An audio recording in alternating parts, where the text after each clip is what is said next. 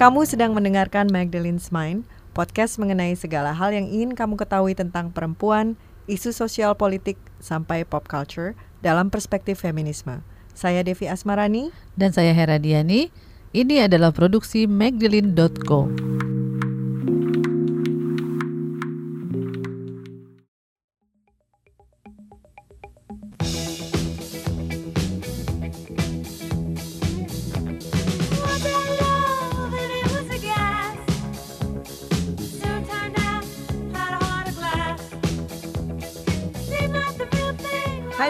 teman-teman, jumpa lagi dengan saya Devi Asmarani dan Hera Diani di Magdalene's Mind. Gak kerasa tahu-tahu udah bulan puasa lagi aja ya. Selamat puasa untuk teman-teman yang menjalankannya. Ya, dan selain bulan puasa, kebetulan di bulan ini ada Hari Buku Nasional yaitu tanggal 17 Mei. Nah ya Her, gue merasa ini hari yang spesial buat pembaca dan komunitas Magdalene. Karena kalau dari survei pembaca kita dan dari social media engagement kita, katanya konon pembaca Magdalene tuh sepertinya pinter-pinter dan kritis. Iya, kelihatannya sih gitu ya. Nah, makanya episode kali ini kita dedikasikan untuk buku, terutama buku fiksi. Ya dan kebetulan kita berdua juga pembaca. Mungkin karena kita kurang gaul waktu mudanya kali ya. jadi kata istilahnya voracious readers atau apa aja dibaca istilahnya. Nah terus terang dari kecil gue emang nggak pernah bisa lepas dari buku sampai ke mana pun. Waktu pokoknya begitu bisa baca eh gue udah nggak pernah lepas dari buku. Mau sampai sekarang mau ke Alfamaret kayak mau ke Indomaret eh, itu pasti bawa Kindle gue atau bawa buku. Sampai waktu kecil tuh dulu suka ditegor sama bokap nyokap gue karena di di meja makan selalu sambil baca. Iya, gue juga baca buku melulu. Emang kayak nggak suka main gitu, suka rumah di rumah terus baca buku mulu. Terus eh, dari mulai buku cerita, terus buku apa, buku cerita, komik dan sebagainya. Nah di rumah gue tuh dulu banyak orang, saudara-saudara, om gitu. Terus gue suka ngendap apa, ngendap-ngendap ke kamar mereka, baca buku-buku mereka yang mana Uh, udah buku-buku apa itu Iya makanya gue sempat shock gitu. Iya betul sekali. Terus kayak lo juga gue apa pun dibaca eh, dan bokap gue kan wartawan juga dulu dan dia eh, dapat langganan semua koran sama majalah. Jadi itu juga semuanya gue baca padahal yang nggak boleh sebenarnya kayak Matra waktu itu. Terus apa lagi Makin Jakarta Jakarta. makin dilarang malah makin iya dibaca sembunyi kan? sembunyi gitu terus tapi bokap gue eh, suka apa karena gue suka baca terus setiap bulan gue dibawa tuh ke Gramedia yang suka baca gue doang kakak-kakak gue oh yang ya? suka dimarahin kok baca?" Terus mereka sebel sama gue yang paling lucu tuh ya gue pernah gue inget sampai nyokap gue pernah ngebakar buku. Aduh. Oh my god, how sacrilegious ya. Enggak, Oh my tapi itu sebenarnya buku komik yang dipinjam oleh abang gue di zaman dulu tuh. Kita masih kuno banget ya. Eh, kan ada sewa-sewa komik tuh. Hmm. Nah, abang gue tuh nyewa komik dari orang di depan sekolahnya atau apa terus bawa pulang kita suka baca. Nah, kita nggak pernah ngerjain PR jadi Hmm. Iya, kita iya. berempat.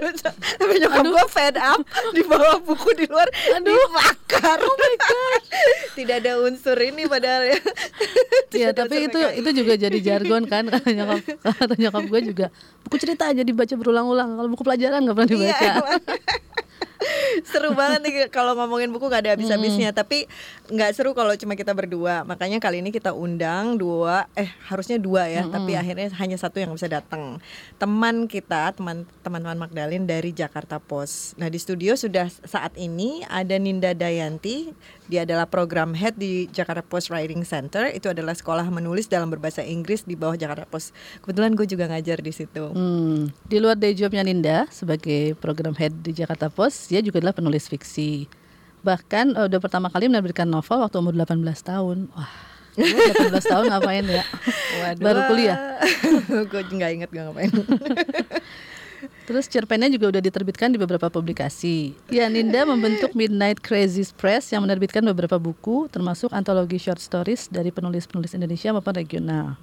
Selamat datang di studio, Mbak Terima Ninda. kasih Ninda. Terima kasih sudah bisa datang. Ninda, welcome to Magdalene's Mind. Hari ini kita pengen ngomongin tentang buku, terutama buku fiksi, sama tentang menulis juga. Tapi sebelumnya kita pengen tahu sebenarnya eh, kamu tuh nulis pernah nulis apa sih atau yang saat ini at least what do you write gitu? Kalau masih nulis ya. Kalau masih nulis ya. Soalnya sibuk kan.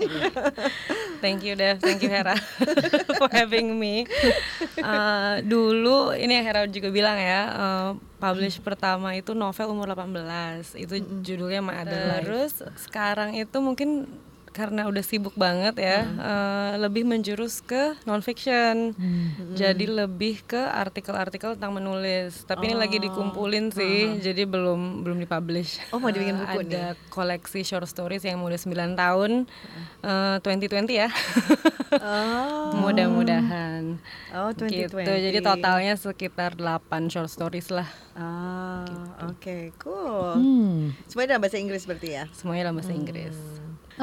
Gue sangat suka baca fiksi tapi nulis fiksi itu buat gue nggak nggak datang secara natural gitu. Kayaknya baru pernah nulis cerpen tuh kayak tiga tiga cerpen terus itu juga lima tahun mungkin satu.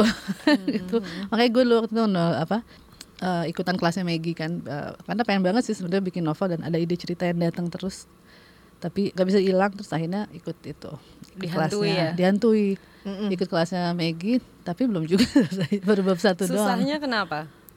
susahnya nggak ada waktunya klise Klise ya itu. Eh, iya sih sebenarnya kalau sekarang baru-baru nggak ada waktunya Ya kalau sekarang ya benar. Heeh. benar. Terus kalau buku ya eh, silahkan dibeli 38 and Pregnant My Graphic Memoir Aku udah beli tuh, udah ada tanda tangannya.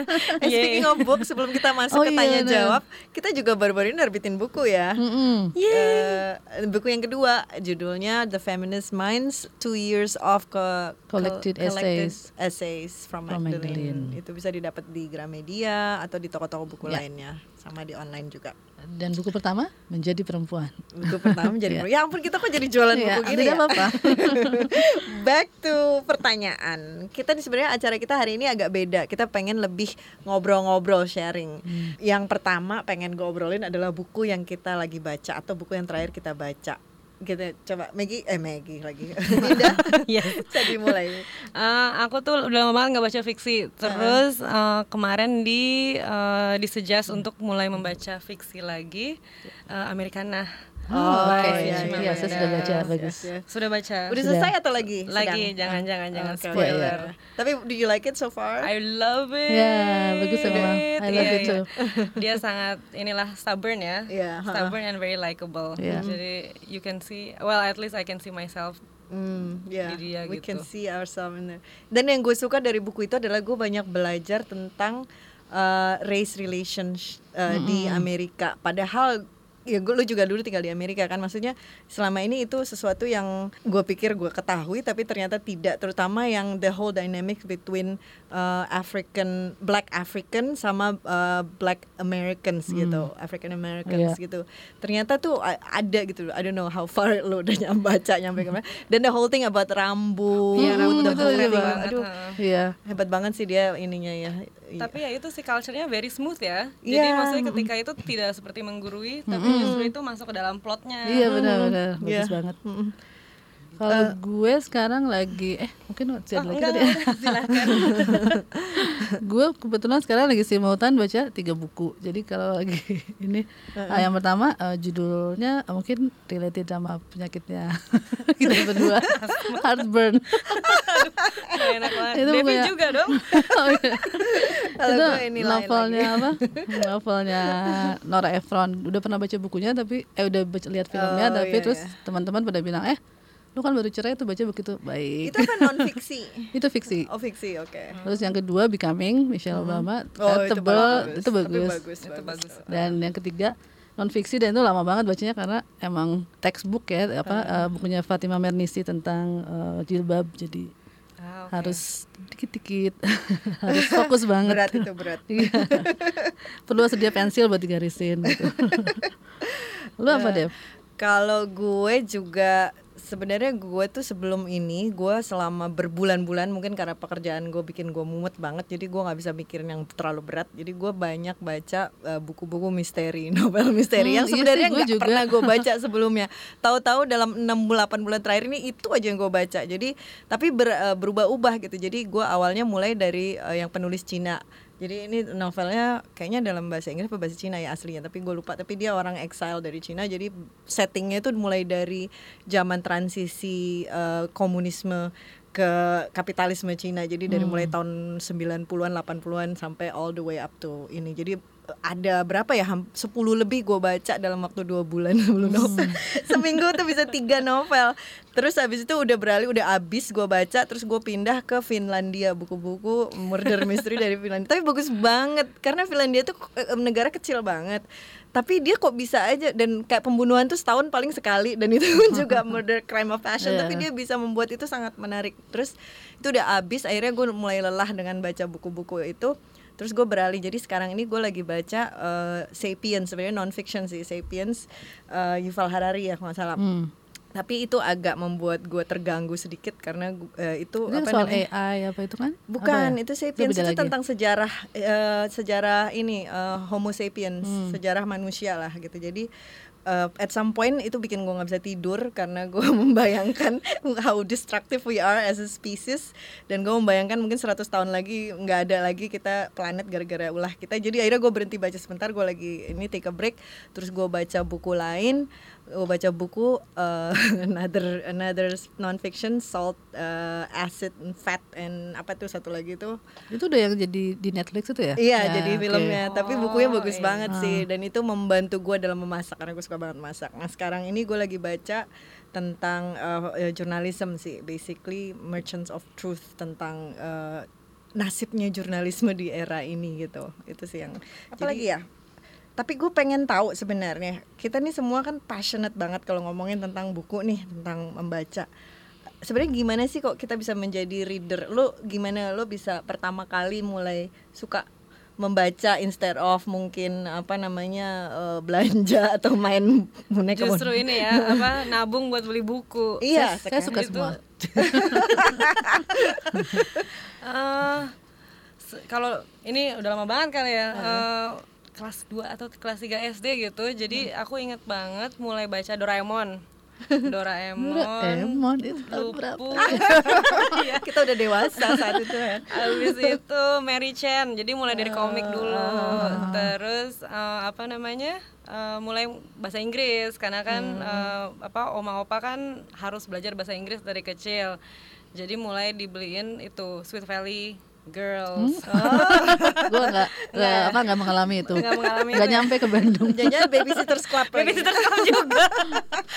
iya. Terus habis itu ya udah mulai ngerengek itu minta beli buku setiap hari Sabtu ke Gramedia sama ke QB. Oh, Masih udah ada QB. QB itu pas gue udah kerja Ini mengatakan umur ya. generasi bukan umur bukan generasi ya ya Eh, terus inget banget di sekolah itu eh, ada sahabatku dia itu punya perpustakaan. Jadi tiap hari kita belajar bahasa Inggris dan itu kan banyak banget bukunya. Dia tuh nyewain kayaknya 500 per buku entrepreneurial banget Iya, kan. itu itu, itu eh, dari jadi SD loh. Udah jadi tycoon jadinya sekarang. Dia itu bisnis yang umum waktu SD eh. Terus zaman gue masih 25 perak sih. Ini 500 udah naik ya harga udah naik. Nah terus gue tuh nggak mau minjem. Jadi gue main ke rumahnya baca satu buku habis terus pulang. gue pikir lo tilap gue sebenarnya gue kan anak paling kecil nih. Jadi gue tuh eh, buku tuh jadi tempat pelarian gue sih karena gue selalu dibully sama kakak-kakak gue sama dong. iya sama. Jadi intinya tuh waktu sebenarnya ini bukan bukan ini ya ini true story. Gue belajar membaca tuh cuman sehari. Jadi gue pergi sekolah waktu itu kelas 1 SD apa terus gue balik-balik terus gue bilang tadi kamu ngapain? kata nyokap gitu kan. Aku belajar membaca. Ya belajar hu- huruf gitu lah. Terus dia bilang mah aku mau beliin aku papan tulis dong aku mau belajar membaca. Sama nyokap gue dibeliin papan tulis zaman dulu yang biasa gitu nggak ada tuh belajar membaca di TK jadi besoknya gue udah baca dan dalam berapa hari kata nyokap gue seminggu tuh gue udah baca koran gitu. Jadi ya memang dari kecil emang nah udah gitu eh, ya udah gue bawa buku ke mana-mana karena gue kalau di rumah dibully sama kakak gue. Jadi gue eh, kalau nyokap gue arisan main tenis apa segala macam gue pasti bawa buku. Gue selalu duduk di situ di mana cari posisi terus duduk baca. Udah sampai sampai sekarang masih kayak gitu. Ya dulu kan emang koran ya soalnya gue juga karena bokap nyokap gue emang pembaca sih. Kakak-kakak gue nggak terlalu. Mereka suka dimarahin. Jadi membaca terus gue yang lain juga siapa ya? kayak nenek gue gitu juga kayaknya baca. Jadi gue pengen banget tuh terus saking gembesnya eh, terus itu koran suka gue gigit-gigit buku gitu ya. Terus akhirnya umur 4 tahun gitu sama nyokap gue diajarin tuh kayak Benji. Iya, emang. toddler kan emang kelakuannya kayak papi. Terus ya udah digigit-gigit terus eh, sama siapa pun akhirnya gue minta diajarin baca sama tetangga juga akhirnya. Baca terus ya udah pertama koran. Habis itu buku-buku eh, anak-anak em, mulai apa ya dari yang tau nggak dulu seri apa sih Tini apa gitu oh iya Tini gue Ah, baca terus mulai habis itu naik segala Eh, hmm, karangan Enid eh, Blyton. ah, Enid Enid Blyton. Oh iya. Enid Blyton. Gue masih dapat tuh Enid. Alfred Alfred Hitchcock terus eh, siapalah itu semuanya. Terus mulai kelas 6 Agatha Christie ya gitu. meningkat lah Cindy Sheldon Sini Sheldon nggak boleh tuh sama nyokap gue dulu. Gila, tapi kan diam-diam. Agak romance iya shock sih pertama kali padahal kan biasa-biasa aja kalau dibilang Iya, kalau ya dibaca sekarang nggak ada apa-apanya. Banyak tuh kalau erotika kan lebih parah. iya. Gitu. ada nggak buku yang life changing untuk kalian? Ada? Lu apa gue itu. Ini kan selalu pertanyaannya ditanyain nih sama murid-murid di Jakarta Post. Terus pas lagi creative writing program tuh pas MFV kan semuanya pada heboh gue sukanya on the road apa on the road. Oh, the road. Check it terus out. metamorphosis pokoknya yang berat-berat iya, gitu. iya, iya, iya. kalau gue itu yang life changing goosebumps Oh, oh. baik Goosebumps itu gue lengkap semuanya. Dan gara-gara si R.L. Stein itu dia peng, gue pengen jadi penulis gara-gara dia. itu benar-benar escape reality to the max. dan itu apa enteng banget sebenarnya. Enteng Iya. tapi, Tapi eh, entertaining. entertaining dan itu kan sebenarnya dengan monster dan bla bla bla itu core-nya eh, keluarga sih. Basically semuanya keluarga. Dan waktu itu kan keluarga gue eh, nyokap gue cerai kan pas kecil. Dan itu masih not in the time yang lo boleh cerai dan bla bla bla. Jadi si Goosebumps itu pelarian pelarian gue oke. Gitu. Kalau gue sih segala ini Blyton sama Tintin itu bikin gue emang wah gila di dunia Iya, iya, sana. iya. Terus gue pengen banget ke luar negeri. Iya, iya, Tintin gue pengen, banget uh, travel.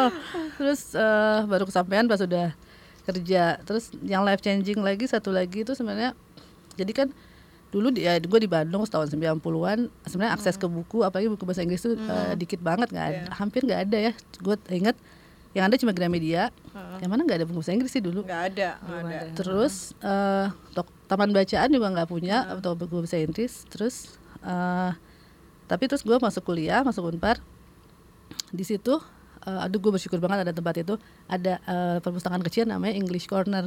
oh Jadi itu sumbangan dari eh, dosen. Terus Oh, kan wow. karena Universitas Katolik, jadi Heeh. ada kerjasama kerjasama dengan Yayasan Katolik atau apa. Terus eh, ada ada pusat bahasa Inggris. Terus eh, ada du- guru-gurunya yang native speaker juga nyumbangin buku ke situ. Dan itu benar-benar keren-keren banget buku apanya bukunya tuh dari mulai bisa dibawa pulang terus bisa. baca di situ? Oh. enggak bisa dibawa pulang terus dibalikin. Dari mulai you name it lah. Hmm.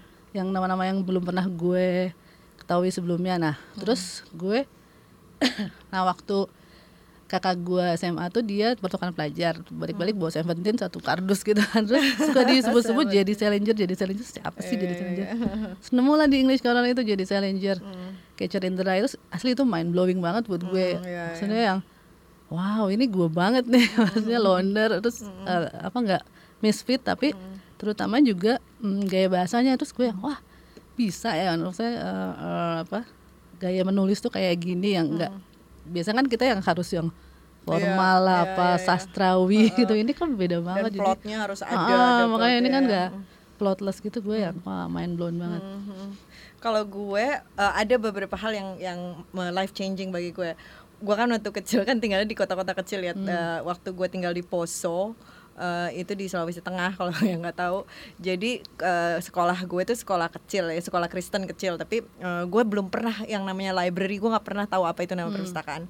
Suatu hari diumumin bahwa kita sekarang sudah punya perpustakaan. Wah, terus gue yang wah gitu terus udah jadi perpustakaan itu hanya satu kayak ruang kecil gitu terus satu meja isinya buku-buku buku banyak gitu itu jadi tempat ini gue banget yang tempat apa refuge gue terus udah gitu waktu gue SMA temen gue eh, dia baru balik dari Amerika. Dia dia gedenya sekolahnya di Amerika dia pindah ke, balik ke Jakarta. Dia masih yang bahasa Indonesia aja masih yang eh, apa namanya masih yang belum belum fasih gitu kan. Jadi dia bawa banyak buku-buku. Uh, nah udah gue baca buku-bukunya dia. Itu asik banget sih. Nah udah terus gue pindah ke, ke Amerika kan gue sekolah SMA di sana.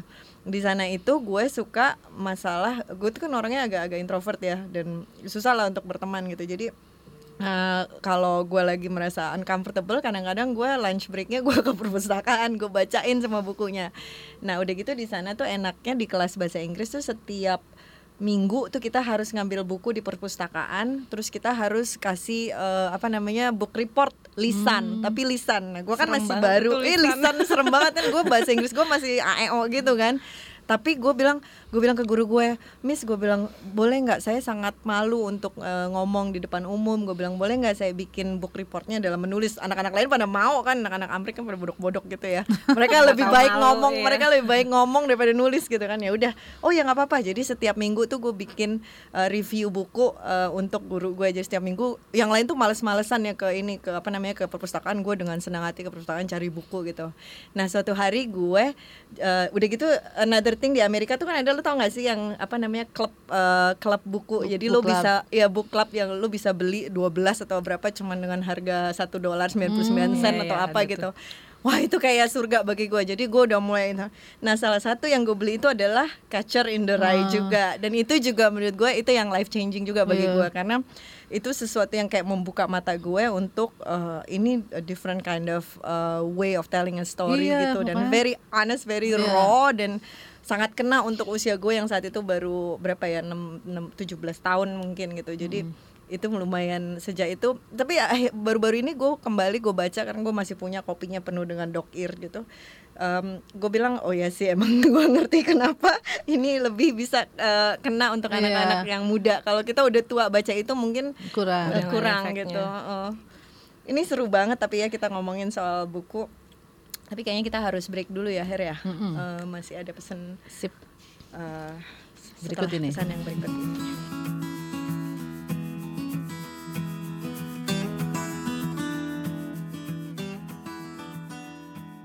Halo semua, memproduksi podcast yang berkualitas seperti Magdalene's Mind membutuhkan upaya yang gak sedikit dan dukungan dari semua. Untuk itu, kalau kamu pengen mendengar lebih banyak podcast yang menarik, informatif, dan membuka mata, kamu bisa berdonasi untuk Magdalene's Mind. Berapapun jumlahnya akan sangat kami hargai. Caranya bisa dilihat di Instagram at ID di bagian stories highlight atau di Facebook Magdalene Indonesia dan di Twitter at the underscore Magdalene. Magdalene's Mind adalah produksi media independen magdalene.co. Uh,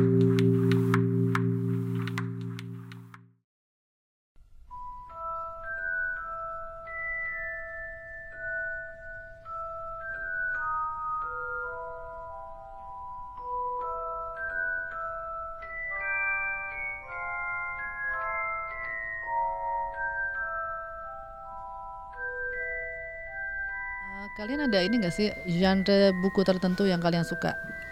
Fiksi ya? Hmm. Eh, science fiction sih. oh iya Atau enggak kayak yang fairy tale dan bla bla bla. oh fantasy gitu Fantasy, heeh. karena itu out of the world banget Iya, kan. iya. Heeh. Si Brothers Grimm itu kayaknya pas aku umur 18 ya itu. oh ya Hmm. Mm-mm. Grim sekali. Iya. tapi lu tapi lu nggak nulis itu ya genre itu Waktu ya? itu sempet nulis juga? nyoba kayak mau fairy tale Indonesia terus di switch ke modern gitu cuman Hmm. gagal. Oh. gagal nggak susah. Belum, Agak belum, susah ya belum. Katanya aslinya eh itu H.C. Anderson apa Grimm yang aslinya tuh sebenarnya lebih ini lagi ya. Ya, lebih iya, grim yang, lagi kan. Kalau yang Cinderella itu kan dipotong tuh Iya, hmm, apa jarinya. sama ini juga apa Little Mermaid ya Sama yang si Hansel and Gretel itu kayaknya Diper- apa ya? Heeh. di apa Oh my gitu. God. Iya iya itu serem banget deh dark. sebenarnya. dark banget sih Iya. Lu suka fantasi gitu juga? Enggak, gue nggak terlalu Iya. suka fantasy. Sebenarnya gue sukanya dari kecil gue suka yang realism gitu sih. Eh, sam- gue sebenarnya suka eh, apa namanya kayak literary inilah ya eh, apa no, no, I'm not being apa namanya I'm not being pretentious tapi emang gue suka gitu karena eh, at the end of the day itu memperkaya banget tapi di luar itu yang gue sukain adalah eh, buku-buku itu tadi yang misteri itu yang gue I've just gotten into that in the last year. Sama yang kedua yang gue suka juga untuk kayak kelepasan gitu kayak apa namanya kayak escapade gitu adalah buku-buku yang ada hubungannya sama makanan. Iya gue juga. corner. Lumayan banget. Tengah Iya. Instagram Kayak- makanan juga. kayak A Year in Provence itu juga. Ah. Tapi itu ini ya non fiction ya, tapi ada juga fiction yang ada makanan-makanannya itu. Isi suka. Harban juga gitu Dev ternyata kalau di filmnya kan nggak ada ya di sini tuh jadi campur-campur apa resep Oh gitu. Heeh, Oh, gua lucu sih agak itu. agak ini sebenarnya agak kurang terstruktur gimana tapi eh, menarik sih Ah. Hmm, kalau fantasi gue juga nggak terlalu kalau fantasi gitu gue lebih suka yang kalau buat komik atau graphic novel gitu Ah. murder mystery gue suka dari dulu sih dari zaman Iya. SD kan Iya itu sih, sebenarnya True waktu SD Detective suka, eh, iya, Agatha. Christie Ya, terus kita sempet kan yang suka hmm, apa Japanese murder mystery itu Mm, iya iya. Cuma Si agak- Era yang memperkenalkan gue pada Mm-mm. itu. Cuma susahnya nggak ada jarang ada di Kindle tuh makanya Iya, gue iya, pinjam ya. akhirnya pinjam ke temen Iya benar-benar. gitu Nah tadi tuh tadi pagi sebelum ngantor gue lagi mikir tentang penulis-penulis fiksi favorit gue sambil lihat eh, rak buku perpustakaan pribadi gue dan di list di buku Kindle gue. Ternyata gue tuh baru sadar bahwa kebanyakan penulis-penulis yang gue kagumin itu perempuan. Eh, dan itu bukan hanya karena ya karena gue feminis ya, tapi memang karya-karya mereka tuh luar biasa banget menurut gue, life changing lah istilahnya. mungkin lebih relatable juga buat kita kali ya Iya mungkin ya, makanya gue pengen tahu eh, kalian kalian menurut kalian gimana sih kalau seorang penulis perempuan itu apa ada nggak sih cara mereka berbeda dalam menceritakan atau apa yang membuat dia berbeda dari penulis laki-laki gitu? yang jelas berbeda kalau ngegambarin hub, apa eh, seks Oh, iya, iya, iya. Seks. Eh, dan gambarin badan perempuan suka yang enggak proporsional Kayaknya kalau misalnya perempuan banyak layer of emotion itu tuh lebih iya, lebih benar. elaborat gitu. Iya, Jadi iya. bukan hanya kalau cowok itu kayaknya cuman nggak secara generalisasi ya, cuman very plot oriented dan kebanyakan action. Iya, Mereka don't betul. linger into the emotions aja. Iya, iya, iya, iya. Jadi kayak harus ke mana gitu. Sedangkan kalau perempuan itu kayak linger at the moment, enjoy the sadness, abis Iya, itu iya. move on gitu. Iya. Iya apalagi yang eh, apa penulis Jepang gue ada satu suka banget eh, namanya Banana Iya, Yoshimoto. gue juga suka. Gue suka banget itu juga kayak plotless tapi bisa menangkap yang satu yang sunyi, Iya. tragic, lost gitu Uh-uh. keren banget Iya, sih. Iya benar-benar. Dan, di- dia Jepang banget ya, maksudnya dia eh, semua storynya tuh ada loss, ada Iya, ada iya. yang meninggal di Ada yang semua meninggal. storynya. Tapi eh, kata meninggal itu nggak ada, jadi dia bener-bener ya itu tadi sunyi dan Sunyi, kayak subtle banget gitu loh.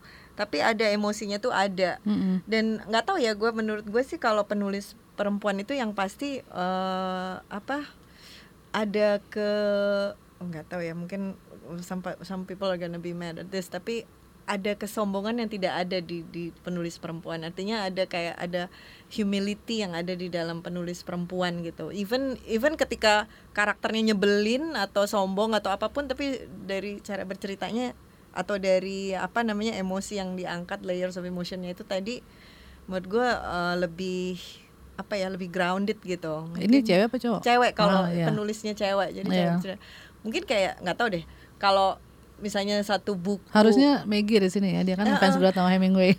bener, yang bener, mana bener. gue nggak yang terlalu. gue nggak terlalu suka sih Sama. Gue juga kalian eh, penulis favorit perempuan kalian siapa Ya itu tadi Banana Yoshimoto. Heeh. Terus eh, gue suka Edith Wharton. oh iya iya iya iya Eh, Alice Walker gue suka. Oh, iya, Terus Walker. Indonesia tuh ada sebenarnya satu. Nggak, En Hadini Ena Dini suka, Ah. tapi ada satu yang gue bilang underrated banget, tapi gue seneng. Gramedia menerbitkannya lagi. Heeh. Itu ini eh, Kembang Manggis itu eh Oh. gua apa dulu kan belum tahu ya siapa itu dia gitu. Jadi sebenarnya rumor atau apa gitu katanya sih itu dia tuh mahasiswa seni rupa gitu. Oh. Nah, dia bikin tiga buku eh dua. Pokoknya eh, yang satu tuh namanya eh, judulnya Tia, yang satu eh, Warisan. Itu tuh yang coming of age story banget yang Hmm. simple terus sampai bikin gue pengen kuliah di IPB padahal jurusan apa ya? Cocok buat gue itu eh, bukunya tentang apa? Coming of age aja sebenarnya Oh. cuma kegalauan anak remaja gitu dan simple dan Indonesia banget gitu. Heeh. Eh, terus yang warisan ini sebenarnya itu menurut gue itu mewakili gimana har- apa epitome ciklit Indonesia tuh harusnya gimana kayak gitu dengan bahasa Indonesia yang bagus banget nggak campur-campur kayak sekarang ya sama ya tadi tuh Banana Yoshimoto iya kalau gue tuh lagi suka sama dan uh, selalu selalu ganti-ganti ya. Mm-mm sih. Eh, sekarang Iya. lagi suka si Lucia Berlin. Oh, siapa Eh, Dia bikin a manual for cleaning women. Oh. Jadi dia Cleaning itu women? cleaning women. Jadi dia Oh, cleaning cleaning lady. cleaning cleaning lady. Jadi eh, pokoknya eh, middle class under apa? Below middle class ya berarti ya itu. Eh, very dark dan dia itu kan orang Amerika tapi dia pernah tinggal di Peru, Chili, Argentina. Jadi eh, settingnya tuh macam-macam tapi ya itu tentang eh, di assault sama laki-laki. Terus habis itu tapi dia tuh sangat eh, bahasanya tuh sangat kasar. Oh. Which is very different dari perempuan-perempuan yang biasanya itu jadi dia kayak ya udah deh abis eh, abis di abis di assault kayak ya udah gue harus kerja lagi pulang naik bus. Udah cuman as simple as that. Dan itu semuanya tuh uh, beneath the lines underneath the lines. Jadi uh, semua feelingnya tuh di Iya, iya, iya. diakumulasi aja. Terus nggak ada resolusi nggak ada apa-apa which is very which is very funny and depressing. Dan dia uh, dia udah meninggal tahun 2004 kemarin. Tapi lagi apa ada dua bukunya dipublish 2018 yang sa- salah satunya si Manual for Cleaning Women itu. Jadi aku juga sempat baca itu. Dan itu collection of short stories. Jadi bisa sambil nunggu di dokter baca selesai Oh, baca iya, iya, selesai iya. Enak sih gitu. itu, enak sih itu. Cuman short story itu kadang-kadang lebih berat dan lebih gimana ya? Maksud Iya. gue pada akhirnya tuh yang ah, gimana sih ini kok gini? Terus gitu juga gak sih? sebel gitu kan habis udah selesai Iya. nah kalau gue gue sampai nulis ya karena gue kan pelupa banget sampai nulis beberapa nama nih salah satunya ada Mbak Yoshimoto juga tapi eh, ada beberapa orang yang yang pertama tentunya ada Jane Austen I know I know orang akan bilang ah, apaan sih tapi sebenarnya Jane Austen tuh brilliant menurut gue karena Iya, dia brilliant, brilliant. dia tuh pengamat eh, society-nya Iya, dan dia komentari tentang masyarakat Iya, gitu. komentarnya dan sebenarnya ada sarkasme di dalamnya di luar uh, the whole Victorian thing ya. Jadi dia menurut gue dia salah satu yang ini penulis yang brilian. Terus uh, Jumpa Lahiri gue suka karena dia juga ada ada ada kesunyian juga dalam ininya dan selalu ada keresahan itu gitu. Entah kenapa gue tuh sangat drawn ke penulis-penulis dari Asia Timur eh Asia uh, Selatan ya. Uh, Jumpa Oh, iya, Lahiri, Kiran Desai. Kiran Desai, oh, bagus my banget, God, Kiran Desai. so good. Iya. Eh, sama siapa satu lagi gue lupa tadi eh, si em, Arundhati Roy. Arundhati Roy, Arundhati ya. Roy. Pokoknya bagus banget. dan mereka short story short story-nya juga luar biasa banget gitu. Terus gue juga suka eh, apa namanya eh, em, Zadie Smith. Oh Kalian pernah my baca nggak? God. Oh my god, Tapi itu bikin crazy. gue bikin gue ini tau gak sih terpukul anjir de- debut mana? novel kayak Iya, gini gila. gue terpukul banget Gila gila, gila dia pokoknya dia. brilian sih gila brilian brilliant. banget Tahun lalu gue dikenalin, eh dua tahun lalu ya waktu gue ngambil kelas di itu Johns Hopkins gue dikenalin ke bukunya Leila atau tulisannya Leila Abu Leila Abu Leila. Kalian tahu oh nggak? Dia pernah tuh- dengar tapi belum baca. Dia eh, dia eh, orang apa deh kok gue lupa ya. Eh, tapi dia basically ba- eh, orang di London lah ya. Tapi Hmm. judul bukunya Minaret jadi dia Muslim eh, British gitu. itu bagus banget gue juga suka British writers are just oh crazy iya. good. Tapi Indian Iya, iya. Sarah Sarah Waters. Sarah Oh, Waters. Iya, dia nulisnya biasanya eh, karakternya biasanya lesbian. Hmm. but it's so good. Dan settingnya biasanya tuh eh, apa namanya zaman zaman suffrage atau zaman zaman pokoknya eh, 20, 30s 40s gitulah. Terus eh, Edwidge Danticat itu gue juga baru-baru ini mulai dia. Jadi dia orang em, apa sih West Indies gitulah American West Indies. Jadi dia banyak tentang ya culture ya di sana lah ya masih seperti Indonesia gitu. Nah yang terakhir yang sampai sekarang itu jadi kayak dewa dewa nulis gue itu adalah Margaret Atwood. oh my god I have that on the list juga. Iya iya iya. She's just crazy. Tapi Maksud belakangan juga gue eh, apa sih eh, semakin mau apa maksudnya memper expand my horizon gitu gue eh, kayaknya dulu kebanyakan nulis Amerika atau nggak Iya, Inggris. Jadi gue sekarang ke color apa Iya. color eh, writers gitu dan perempuan. Sama eh, gue ada cuma cuma book club tapi dua orang. Ada teman gue. It's a, soalnya it's a book duo. Iya, itu book duo. walaupun akhirnya juga ya udah dia baca masing-masing tapi suka- ngasih eh, rekomendasi dan ya kita ngasih list. Eh, dia eh, teman gue ini ngasih list nih yang color writers gitu. Eh, apa aja tuh antara lain? Eh, ada aduh namanya susah. Namanya nggak susah ya mohon maaf. Gue nggak nulis listnya. Ada another eh, Nigerian juga eh, Oh. penulis eh, siapa lagi tuh Perempuan namanya? ya? perempuan Iya, iya, iya. itu menarik sih dan bajunya kayak ih, ini kayak di Indonesia banget ya ini Iya. drama keluarganya Iya. Chimamanda juga sih masuk dalam list gue. Eh, yang dulu banget sempat gue benci banget itu sebenarnya Maxine Hong Kingston. Oh, Apa sih gue lupa Kenapa? judulnya? Kenapa? Karena susah banget dibacanya. susah banget dibacanya. Terus I think last year pas lagi mau bikin kelas short story itu kan dibaca ulang lah, suka baca ulang kan berkali-kali.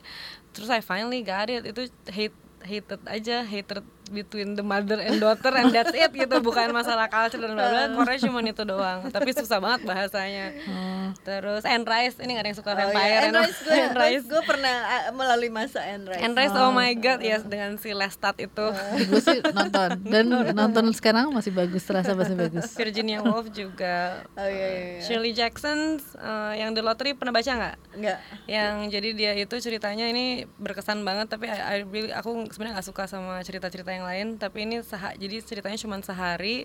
Em, jadi mereka itu di kota kecil election untuk siapa yang akan dipenggal hari itu. Waduh. Jadi dark banget ya. Jangan dulu deh. Jangan dulu ya. happy-happy dulu. tapi itu kayak moral of the city dan itu kayaknya bisa ber- berulang kali kalau dibaca tuh di society sekarang juga bisa di ini dengan bukan dibunuh aja ya cuman dalam arti dipermalukan atau Yeah. anything gitu ya it went to a dark turn Tapi kalau ngomongin soal fiksi, ada nggak sih karakter perempuan favorit kalian karakter fiksi? Ya? Gue juga.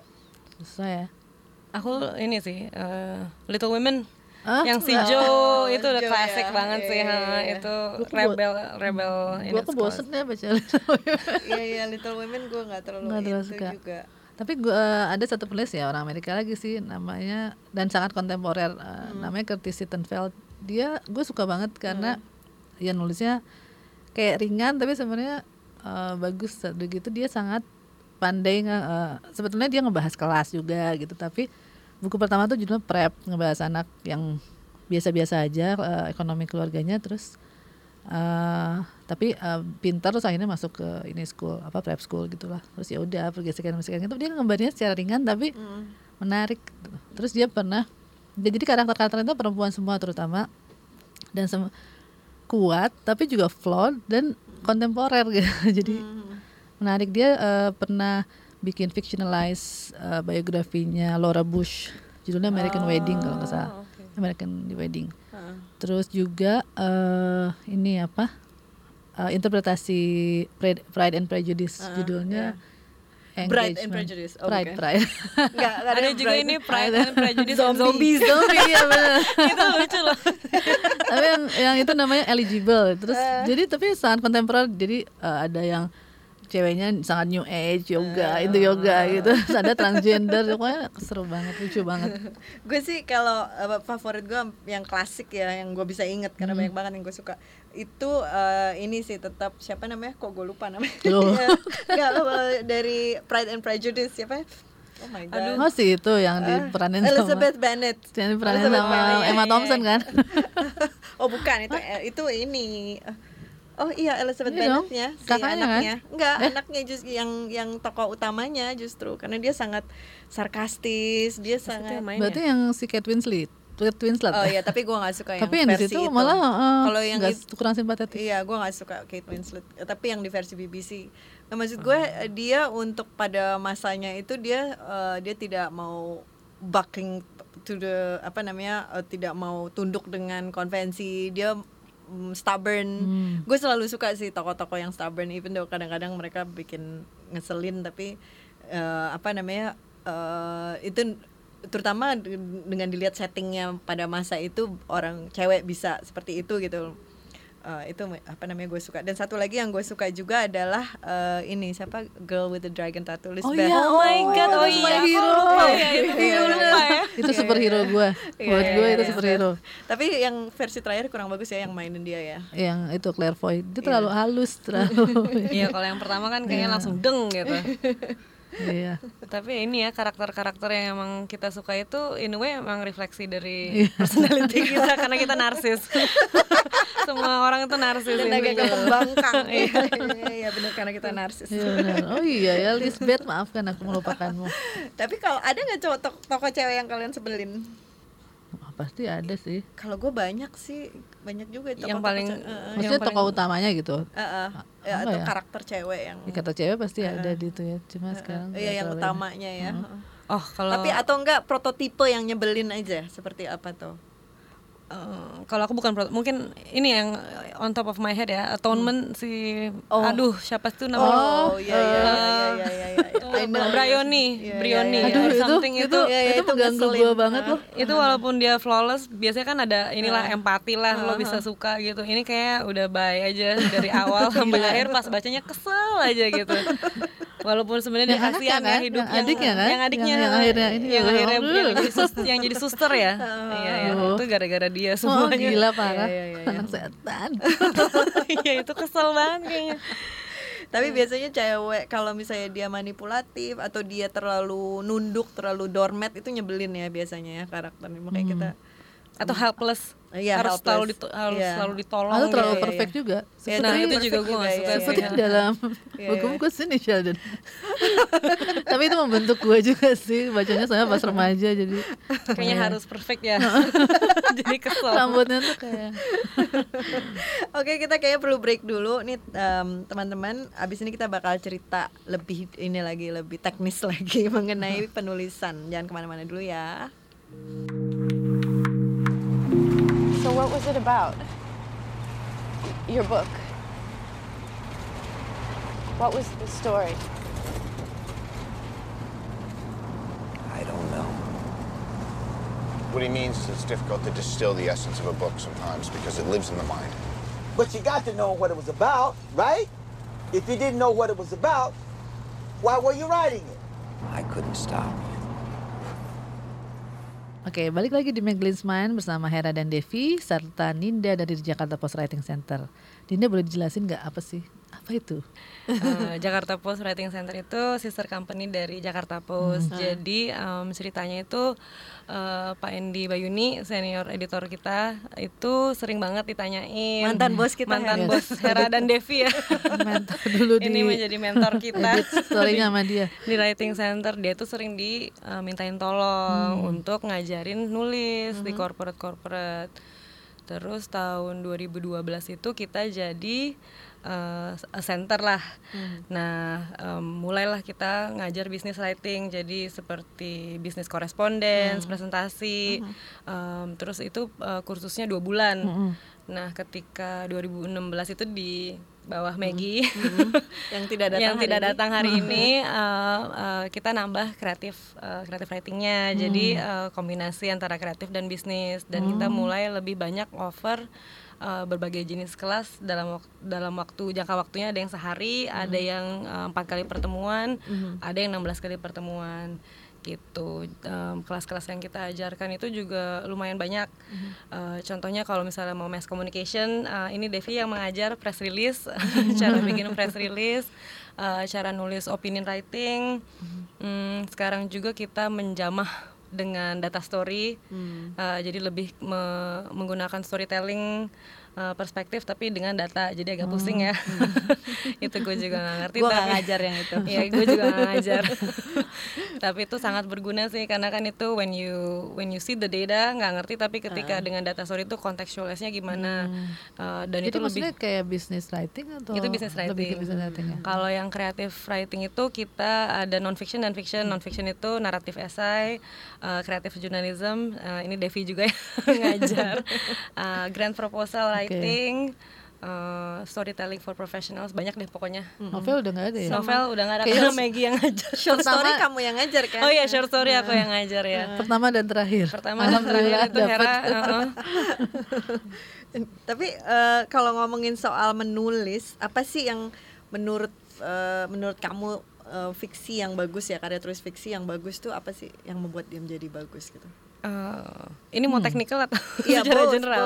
Oke, Eh, karakter pertama kan itu paling paling utama kan ada karakter driven story sama plot driven story dan banyak banyak argumentasinya. Cuman em, kalau misalnya plotnya kuat tapi karakternya nggak Iya, kuat and then itu ya udah deh males aja kan bacanya. Jadi sebenarnya karakter itu harus three dimensional dan nggak boleh terlalu sempurna kan. Betul. Iya. jadi harus ada flow-nya. Tapi I think one of the best qualities of good writers itu ketika punya flow itu dan uh, penulisnya eh pembacanya tetap tetap Merasa mau ngikutin. ya. Heeh.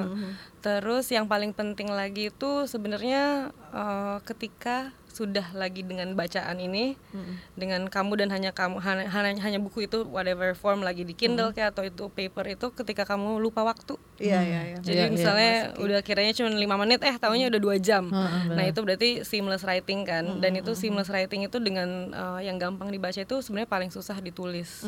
Jadi kalau misalnya kalau kalau harus baca berulang kali berulang kali dan you don't understand Yeah, it, yeah. itu berarti poorly it. poorly, poorly written aja sebenarnya. Gitu. Dalam kepenulisan itu apa eh, penulis siapa yang paling pengaruhi tulisan kamu? Lo juga Her. Hmm, baik. Siapa ya? itu sih si R.L. Stein itu gue masih masih cannot move Oh, forward oke, sih, oke. heeh. karena very simple, very easy, walaupun That's cetek who ya. you aspire to, Uh-uh. to, to write like. Ya. Ada kan penulis Indonesia juga Intan Paramadita salah satu kontributor kita juga sangat terpengaruh oleh R.L. Oh, iya, Stein. iya. Nah, jadi yang apa?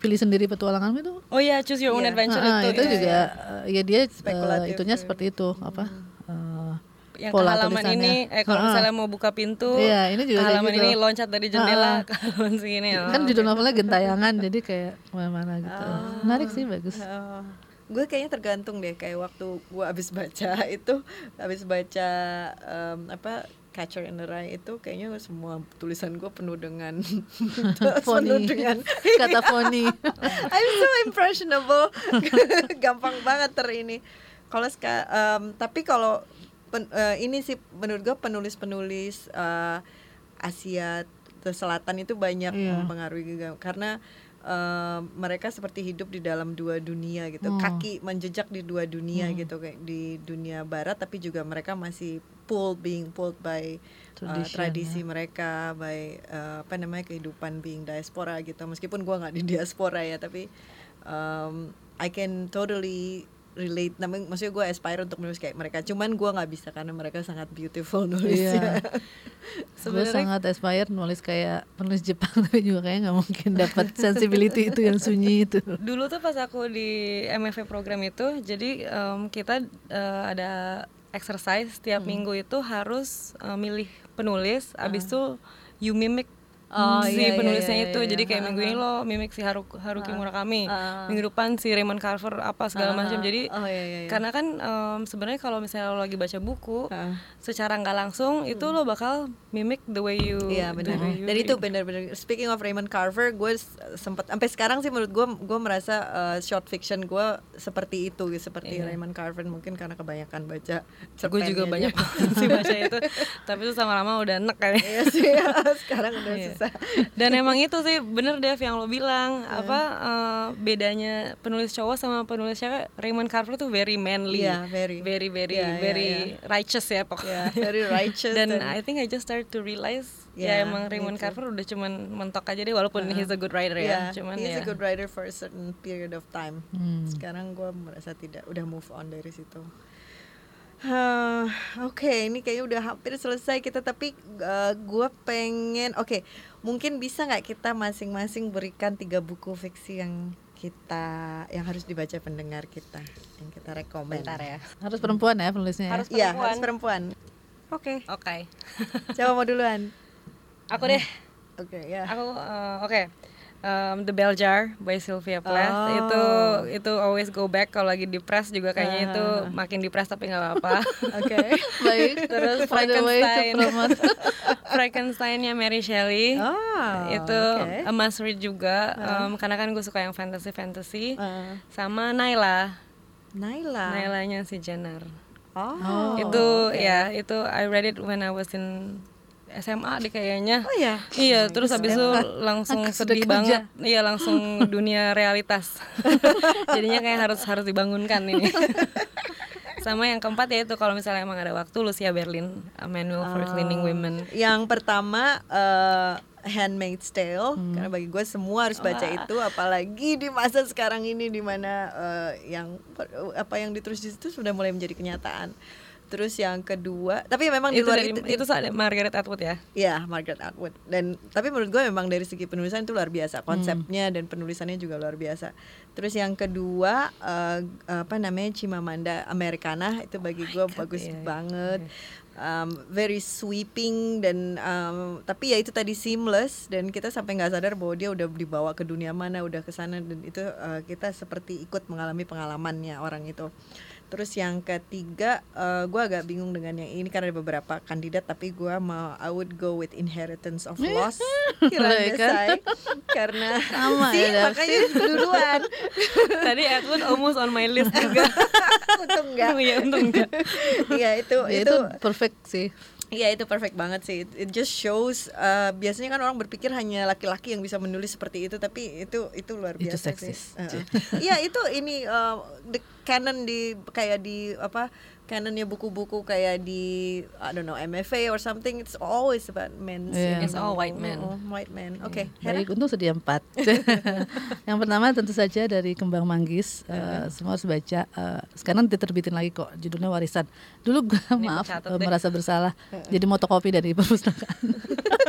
Terus gue sebarin ke semua. Terus yang kedua eh, perempuan di titik nol Nawal Sadawi. Oh, supaya lintas geografi. Sama ya Banana Yoshimoto either Kitchen or Yes, Amrita. Kitchen. Oh, that's so good. Amrita tuh yang sebenarnya Iya, iya. plotless ya, Uh-uh. tapi semuanya plotless sih. tapi itu terus gue sampai baru terguncang gue nggak tahu Tapi sebenarnya storynya sering lupa tapi satu terus gue terguncang dan meltdown gitu itu deh tiga itu Oke. Nah Kita itu juga sih Heeh. berarti uh, a good fiction itu yang bikin lo marah, bikin lo seneng, bikin iya. lo nangis tanpa lo Dan sadar campuran. Iya, atau disturb lah gitu Iya, kalau misalnya non fiction atau artikel kan kita call of actionnya to buy something atau Iya. to do something. Kalau fiction itu call of emotion, eh call of actionnya ya itu emotion, as simple as that sih. Oke.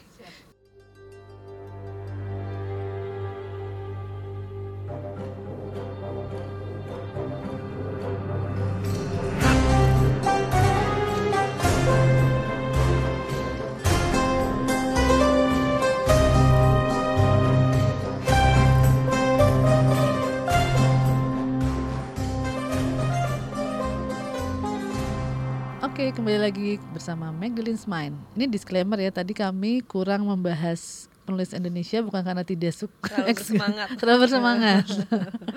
Sebetulnya kita bisa list eh, siapa yang kita suka tadi. Em, Ayu Tami, Dewi Lestari, Jenar, Ren Hadini, Lela Hudori. Itu eh, penulis-penulis yang eh, kita suka dan kita hormati. Nah, ah ya, terus katanya ada pertanyaan ini Dev, misteri. Oh iya iya iya. Mystery iya. box. Waduh deg-degan nih. Eh, kalau kamu bisa menjadi seorang tokoh dalam fiksi, kamu lo pengennya eh, di bukunya siapa? Lisbeth, Lisbeth tanpa kekerasan seksual. Kan bisa dilawan. Shit. Aduh, bingung. Katniss Everdeen aja deh. Oh iya, that's that's good also. Si Jennifer Lawrence. Enggak, gua Numi, Numi Rapace. Itu kan white lagi, Rooney white Mara. women Iya lagi. ya. Iya, iya Pusing benar Baik, juga ya. siapa? Habis yang kalau color itu tersiksa semua hidupnya. Iya kalau yang white itu The ya. color purple. Oh iya itu aduh. sedih banget nggak mau sih itu. ada lebih ada lebih tragis lagi tuh yang Alice Walker satu lagi. Possessing the Secret of Joy. Oh my god, tentang FGM. Oh my god. Aduh, yang untuk color purple tapi itu udah merinding sih. dan dan gue juga nggak mau jadi tokoh di eh, di novel-novelnya Jane Austen karena gue Oh my god. karena Terus hidupnya harus- cuma untuk kawin cari suami doang. Pakai korset. Emma jadi Gwyneth. anyway, kayaknya Lu eh, apa? Siapa? Oh, oh. Ayo Jangan deh. Belum mikir siapa ya? Gue pengen, gue kayaknya pengen pengen ada ja- jadi salah satu tokoh di ini deh di eh, apa namanya di bukunya Chimamanda karena bagi gue eh, she can make pretty badass karakter. Eh, ada di bukunya apa tuh yang em, apa sih ya? Gue harus lihat catatan gue dulu. Eh, Half of Yellow Sun Ah. ada Oh, satu baca. ininya yang gue juga suka. Tapi yang Americana sih favorit Si gue. Eve Melu. Iya. Hmm, iya. Iya. Gue kalau lagi ngetik-ngetik browsing gue berasa Lisbeth Salander. Coba Padahal mungkin cuman googling doang. cuma googling doang. Mungkin eh, Elma. Elma ya Elma. Siapa kita- Elma? Siapa? Eh, tokoh fiksi yang kamu bayangkan. Kalau kamu jadi Ah, Hermione Granger kali ya Oh, Hermione. Oh, Hermione. Iya, oh iya karena, JK Rowling. Di mata beberapa temanku dia sombong Dia superhero tapi sih. dia Enggak, no, no, no. no, enggak sombong sih cuma dia sangat baca buku terus Iya, iya. uh, berani di kelas tuh stand out banget Iya. gitu karena Sebenarnya sebenarnya dia jagoan sih Harry sebenarnya Iya. kalau ditolong nggak ada apa-apa kalau nggak karena ada tidak ada Hermione. tidak ada Hermione mereka mati dulu Iya, Iya benar benar. yang paling jago Iya. iya jadi kalau di kelas aku juga suka seperti itu lah pokoknya I know, I know, I know. sampai pada suatu hari di diem dulu bentar Disuruh dengerin. Sama guru oke siap gitu Thank you. Akhirnya Elma muncul Oh juga iya di benar, Hermione betul. Oke, kayaknya em, waktu kita sudah selesai. Iya. Makasih banget uh, Seru Ninda banget sudah deh. datang. Ah, seru banget. Thank you, Devi. pertama kali Thank kita ya. bisa ngobrol bebas. Iya menarik banget nih kita semua book nerds ya ternyata. ya. Oke jangan lupa dua minggu lagi kita bakal balik dengan eh, tema reformasi terutama tentang gerakan perempuan setelah reformasi. Bye. Terima kasih Ninda. Terima kasih. Bye bye.